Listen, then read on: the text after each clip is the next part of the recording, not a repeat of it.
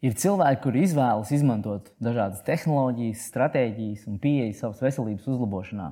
Vaivaru rehabilitācijas centra klienti ir spiesti izmantot šīs tehnoloģijas. Tāpēc uz sarunu aicināju šīs iestādes vadītāju Andu Nulli.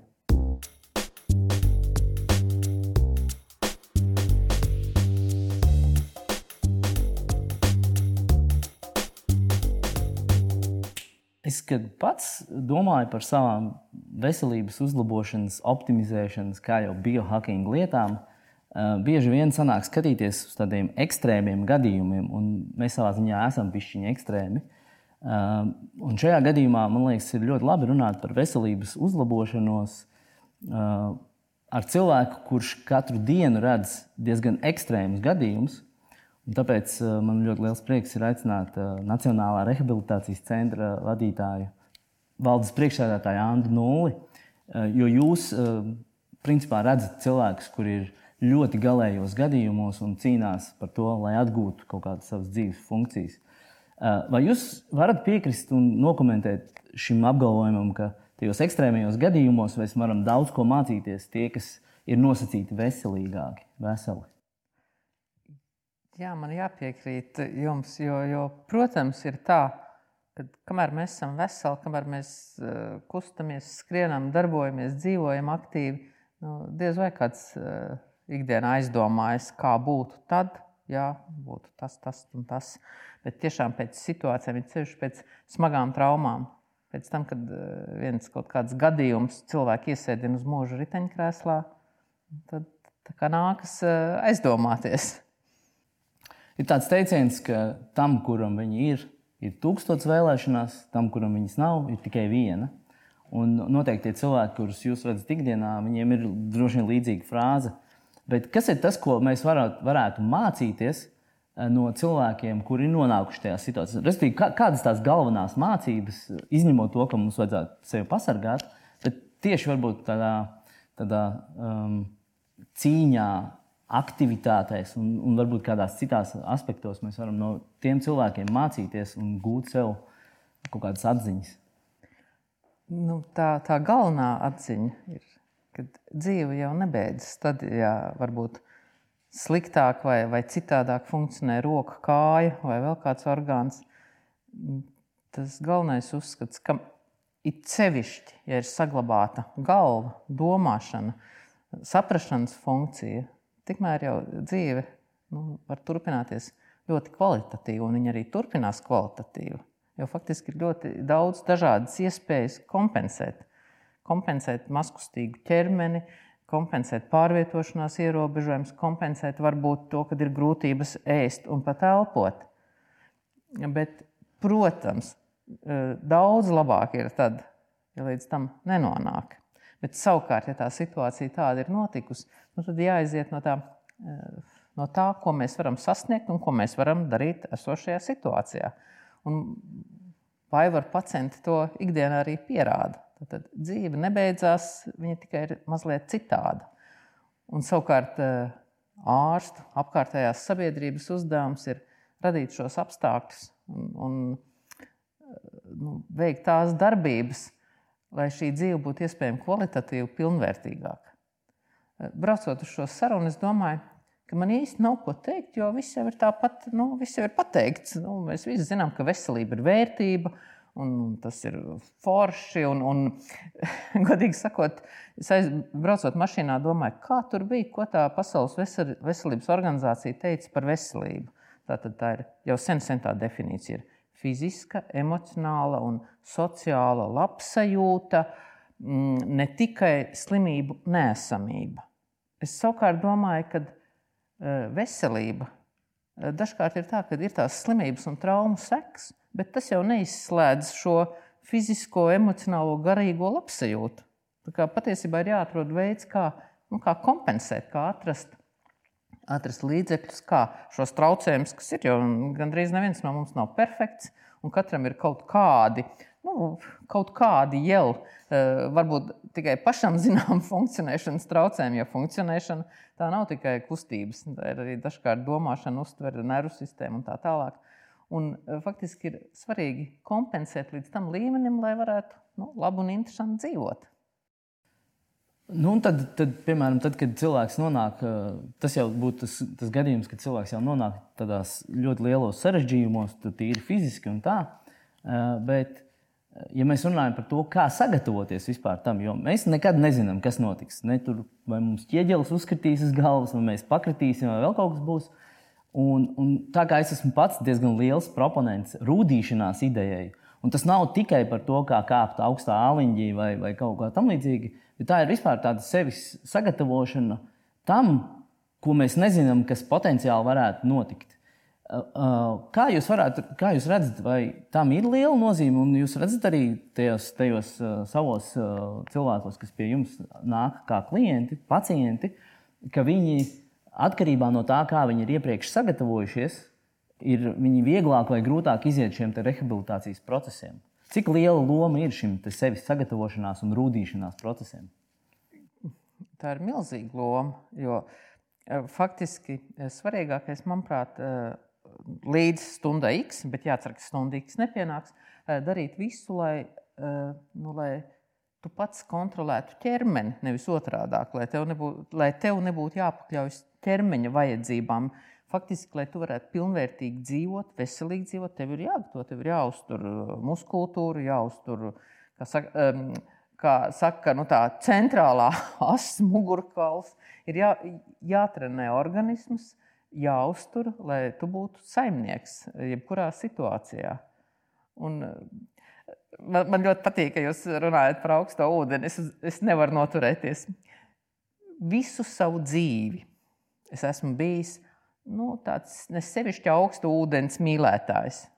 Un droši vien kaut kas dzīvē tāds notiek, un šogad, vēl 31. decembrī, jo nebija vēl aizsavs, es arī uh, turpināju nu, peldēties. Tas ir skaļi teikts, papeldēt augstā ūdenī. Un faktiski tajos brīžos tu saproti, ka nav tā, ka Varbūt tu bērnībā neesi sportojis, tu bērnībā neesi mīlējis augstu ūdeni, bet tu jau visu, visu savu dzīvi vari sev veidot un savu ķermeni un veselību nu, saka, pārveidot pa savam prātam. Ir, ir daudz iespējas. Nu, cilvēki jau mēdz teikt, es esmu tāds siltummīlis, ja, un, un man nepatīk augstums.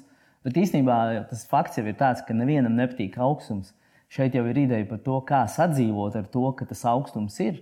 Un potenciāli paskatīties, ka ir, ir arī lietas, ko tas dara labi mums. Un, un faktiski tā ir tāda augstuma terapija, kā sevi sagatavot. Jo e, tad, kad tev pamainās visa šī attieksme pret augstumu, jo pirms tam tu vienmēr biji salīgs, tur novembra drēgnums, tur uh, iet cauri kauliem, man nepatīk šis laiks, vispār gribētu dzīvot dienvidos un tādā garā. Un tad, kad cilvēks sāk šīs augstuma terapijas, tad viņam pēkšņi sāk parādīties interese par to, ka Rudens drēgnums ir ar savu šarmu, un ziemas mīnus grādi ir arī ar savu šarmu. Un ka būtībā mainās vispār tā perspektīva attiecībā par to, kas ir dzīve kā tāda. Eh, šādu lietu pamanāt arī sevī, ka tas kaut kā pamaina šo siltumu mīlību pret augstumu mīlību. Eh, nu, faktiski ir tā, ka eh, es esmu pamanījis, ka man patīk piedzīvot, un man patīk arī to nepie, nepie, agrāk nepiedzīvoto augstumu mīlestību pamēģināt. Ļoti jauki.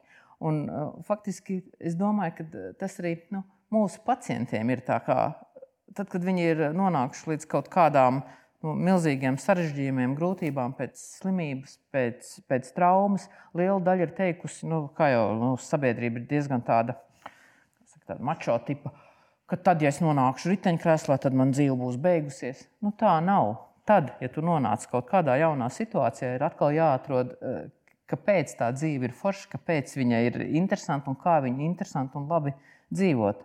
Un, un eh, man ļoti patīk arī, es neatceros, kur es lasīju, bet tā, nu, tie paradoksi, kad faktiski cilvēks, kurš ir pēc slimības vai pēc traumas, viņam ir kādas veselības sekas Tas nenozīmē, ka viņš visu mūžu tagad ir jārastē un jārastē, lai sasniegtu kaut kādu normālību. Nu, nē, patiesībā ir vienkārši jārada tāda apstākļa un, un jāizdara viss maksimālais, protams, bet jārada apstākļi, lai dzīve būtu forša arī pēc tam, pēc kaut kādas slimības, pēc traumas, jo nekas jau nebeidzas. Tā dzīve turpinās, bet viņa ir bišķiņa citāda, bet iespējams, ka viņa vēl ir pat uh, pilnskanīgāka. Tad runājot par šīm pašām terapijām, uh, viens jautājums ir, vai šī augstuma lieta ir arī kaut kādā veidā ieintegrēta vaivaros. Uh, tas būtu viens jautājums, un otrs, uh, kas ir vispār kaut kādas tādas terapijas, kuras potenciāli varētu noderēt, kā jau es sākumā teicu, uh, nosacīt veseliem cilvēkiem, kurus izmantot. Jo es zinu, ka jūs esat ļoti ieinteresēti tehnoloģiju attīstībā un izmantot robotus un vēl visādākas lietas.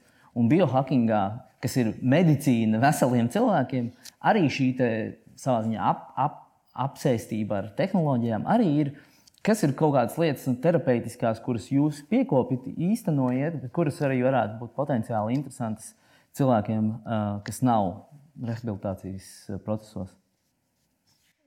Nu, es gribētu teikt, tā, ka no, rehabilitācija ir ne tikai tātad, ārstēšana pēc smagiem notikumiem un atgriešana dzīvē, bet rehabilitācijas uzdevums arī ir nepieļaut visas šīs lietas. Tā kā zināmā mērā tā ir arī profilaktiska nozare un sasau, sasaucās ar biohackingu. Faktiski, vaivaros, ko mēs darām?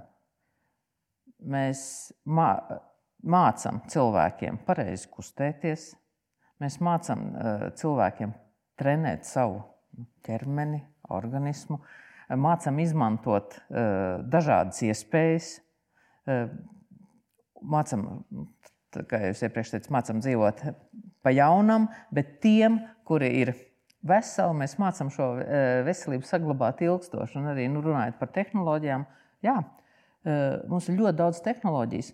Un šīs robottehnoloģijas tās nav tikai tiem cilvēkiem, kuriem ir ļoti traucētas un zudušas funkcijas.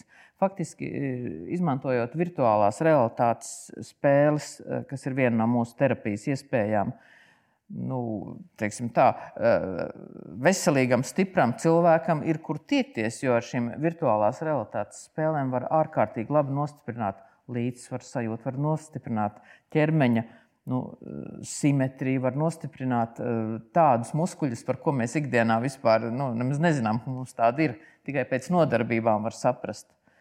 T tas ir par tehnoloģijām. Tehnoloģija mums ir milzīgi daudz. Tad kaut vai, kaut vai tādas uh, vecas un senas tehnoloģijas, mūsu brīnišķīgais uh, vaivaru basēns, kur ūdens nāk no aptuveni 400 metru dziļuma. Tātad uh, minerāla ūdens, bez nevienas chlora uh, gabaliņa, uh, silts. Uh, Silta minerāla ūdens peldi basēnā, nu, kas var būt brīnišķīgāks, kā dabūt harmoniju veselē un, un rumpim, ja tā var teikt. Tad vēl uh, varbūt tāda pavisam tāda eksotiska terapija, reiterapija. Tā ir terapija, atrodoties e, zirga mugurā. Un atkal ne tikai smagi slimiem, ne tikai tiem, kuriem ir varbūt tetraplēģija, paraplēģija, kam nekustās rokas, kājas, bet arī veseliem cilvēkiem terapeitiskā jāšana. Nu, jāatzīst, e, es vienmēr cenšos pamēģināt, ja es saviem pacientiem gribu kaut ko ieteikt, tad es cenšos pamēģināt. Un pēc, tās, eh, pēc tam dažām reizēm, ko es pamēģināju, nu, tiešām bija tāda sajūta, ka tu sajūti, ka tev mugurā ir tādi muskuļi, un, un tu esi kā, nu, pēc smaga, smaga fiziska treniņa, pēc nu, 15 minūšu izjādes ar zirgu. Par augstumterapiju laba doma. Vēl, vēl mums nav augstumterapija vaivaros, bet nu, ir, ir jāpadomā, kā viņu integrēt. Jo no vienas puses mēs Eh, tomēr eh, orientējamies uz ļoti smagiem pacientiem, un, un tā nu, veselo cilvēku virzīšana tā ir ļoti maza sadaļa mums. Eh, jūs minējāt par, par zirgiem, un man kopš, kopš dažiem mēnešiem ir mājās suns.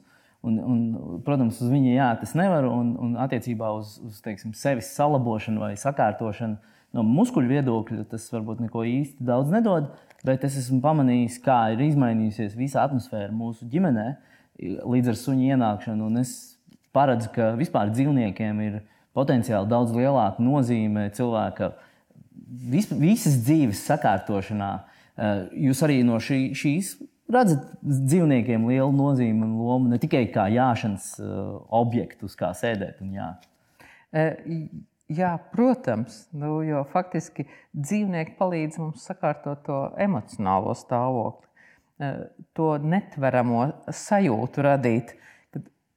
Jo no vienas puses, ja mēs tikai izmantojam tehnoloģijas, nezinu, dzelžus, informāciju tehnoloģijas, mēs paliekam tādi mazliet tādi, nu, tā kā varētu teikt, tādi robusti, ar netiek tāda vēseli līdzi. Bet tieši dzīvnieku terapijā arī ar suņu terapiju arī tiek izmantot. Es nerunāju par vaivriem, jo vaivra tā, tā tomēr ir ļoti augsts specializēta klīnika, kur mēs palīdzam smagi slimiem pacientiem. Bet tādā atvesļošanās procesā šī zirgu terapija, suņu terapija brīnišķīga, garīgā sakārtošanā. Un starp citu, arī par muskuļiem. Es ceru, ka jūs esat arī.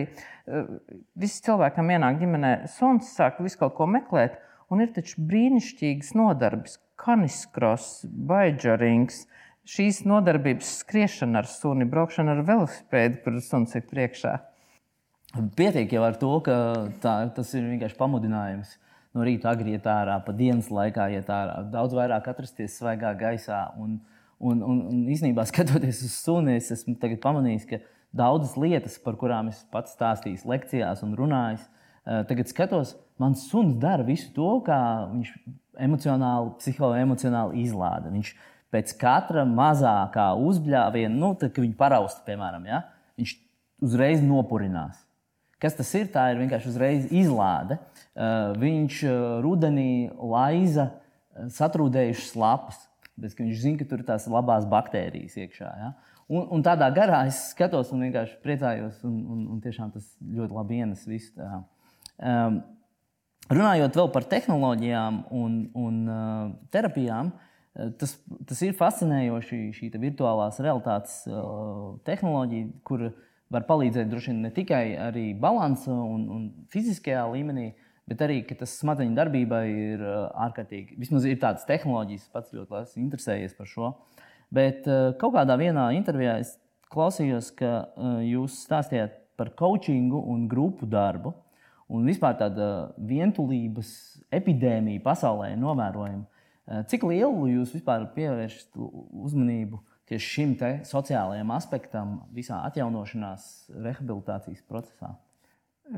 Tas ir milzīgi svarīgs faktors. Jo, protams, eh, cilvēks vienatnē eh, var izdarīt daudz, bet ne visu. Un, un tieši tad, ja cilvēkam ir kādas nu, smagas eh, problēmas radušās, tad, protams, daudz vieglāk ir no vienas puses noslēgties, neiet ārā.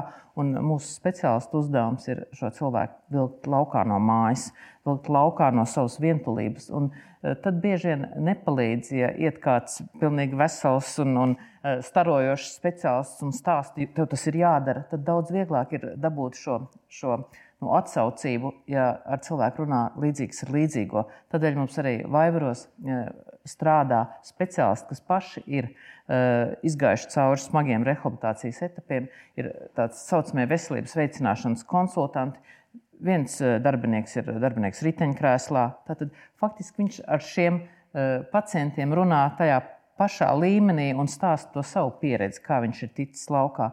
Ir fantastiska mums tehniskā ortopēda, kurai pašai ir uh, protezēta kāja. Un, faktiski viņi ir tā, kas rāda, ka ar šo protēzi var lepoties, ka tas nav nekāds milzīgs defekts, ka nav jāslēpjas, nav jāvelk uh, garas, bezformīgas biks, bet meitene šo kājas protēzi pārvērš par efektu. Un tad pacienti notic. Nevis tad, ja ies ārsts un stāstīs, jā, dzīve turpinās, viss ir forši un pats aizskries. Tad mēs tiešām cenšamies arī nu, savā darbā izmantot šo terapiju tādā veidā, tādu neuzbāzīgu terapiju, palīdzēt tikt laukā no bedres un, un atrast dzīvē jēgu. Un, un, Tā tālāk. Un vienlaicīgi tas tāds kā noslēgts riņķis, tas cilvēks, kurš pats mācās ar šo jauno stāvokli sadzīvot, pēc tam var atkal tālāk likt sevi lietā, lai stāstītu nākamajiem, jo neviens nav pasargāts. Uh, ta, tas man saliek tādā, teiksim, tā, finalizējot šo te visu, saliek tā smuki. Es tagad iezīmēju četras uh, lielas lietas. Tātad viens, ar ko jūs sākāt, ir sakārtot savu galvu. Jo tas, cik mēs spējam domāt, kā mēs spējam uztvert lietas un, un, un neapjukt, ir viena ļoti svarīga lieta. Tad ir fiziskā, tīri fiziskā, visas kustības un tas. Tad mums ir dzīvnieku loma, ja, un tad mums ir vēl ir sociālā loma. Nu, tad mēs varam arī kaut kur tehnoloģijas ielikt, varbūt tas piektais lauciņš. Tas viss izklausās tāds uh, forša lieta, ka, par ko vajadzētu domāt faktiski ikvienam cilvēkam, ja, par šīm četrām, piecām lietām. Un uh, šo, šīs piecas iezīmējot, es gribētu jums uzdot noslēdzošo jautājumu. Priekš jums, kas ir jūsu veselības definīcija? Priekš manis veselības definīcija droši vien ir atrast šo harmoniju starp fizisko varēšanu un, un regulāru slodzīti, starp prāta asumu un vēl droši vien starp to nu, kaut ko darīt. Tas neizskan kaut ko darīt labu sabiedrībai, ne tikai sev, bet atrast to līdzsvaru. Jo tikai uh, darot labu sabiedrībai, aizmirstot par savām vajadzībām, atkal īsti nebūs veselība. Nu, droši vien, kad atrast harmoniju. Galvenais vārds ir harmonija, un uh, pat ar lielu dzīves pieredzi, manuprāt, tas ir visgrūtākais. No šīm uh, galējību šūpolēm visu laiku tādu nu, daudz maz balansēt. Uh, iespējams, ka jāiet uz nodarbībām, kur līdzsvaru, un koordināciju un balansu jāattīsta. Es ļoti priecājos, ka jūs šo te, tomēr, neskatoties to, ka jūs nosaucāt par naivi skan, tomēr priecājos, ka jūs to nosaucāt, tāpēc, ka tā ir tāda lieta, par ko cilvēki īsti nerunā. Tas ir kaut kāda mistiska lieta, dzīves piepildījums, kaut kāda jēdzīgums un tam līdzīgi. Un tomēr visi intuitīvi zina, ka tam ir ļoti liela nozīme. Tāpēc paldies par šo un paldies par sarunu.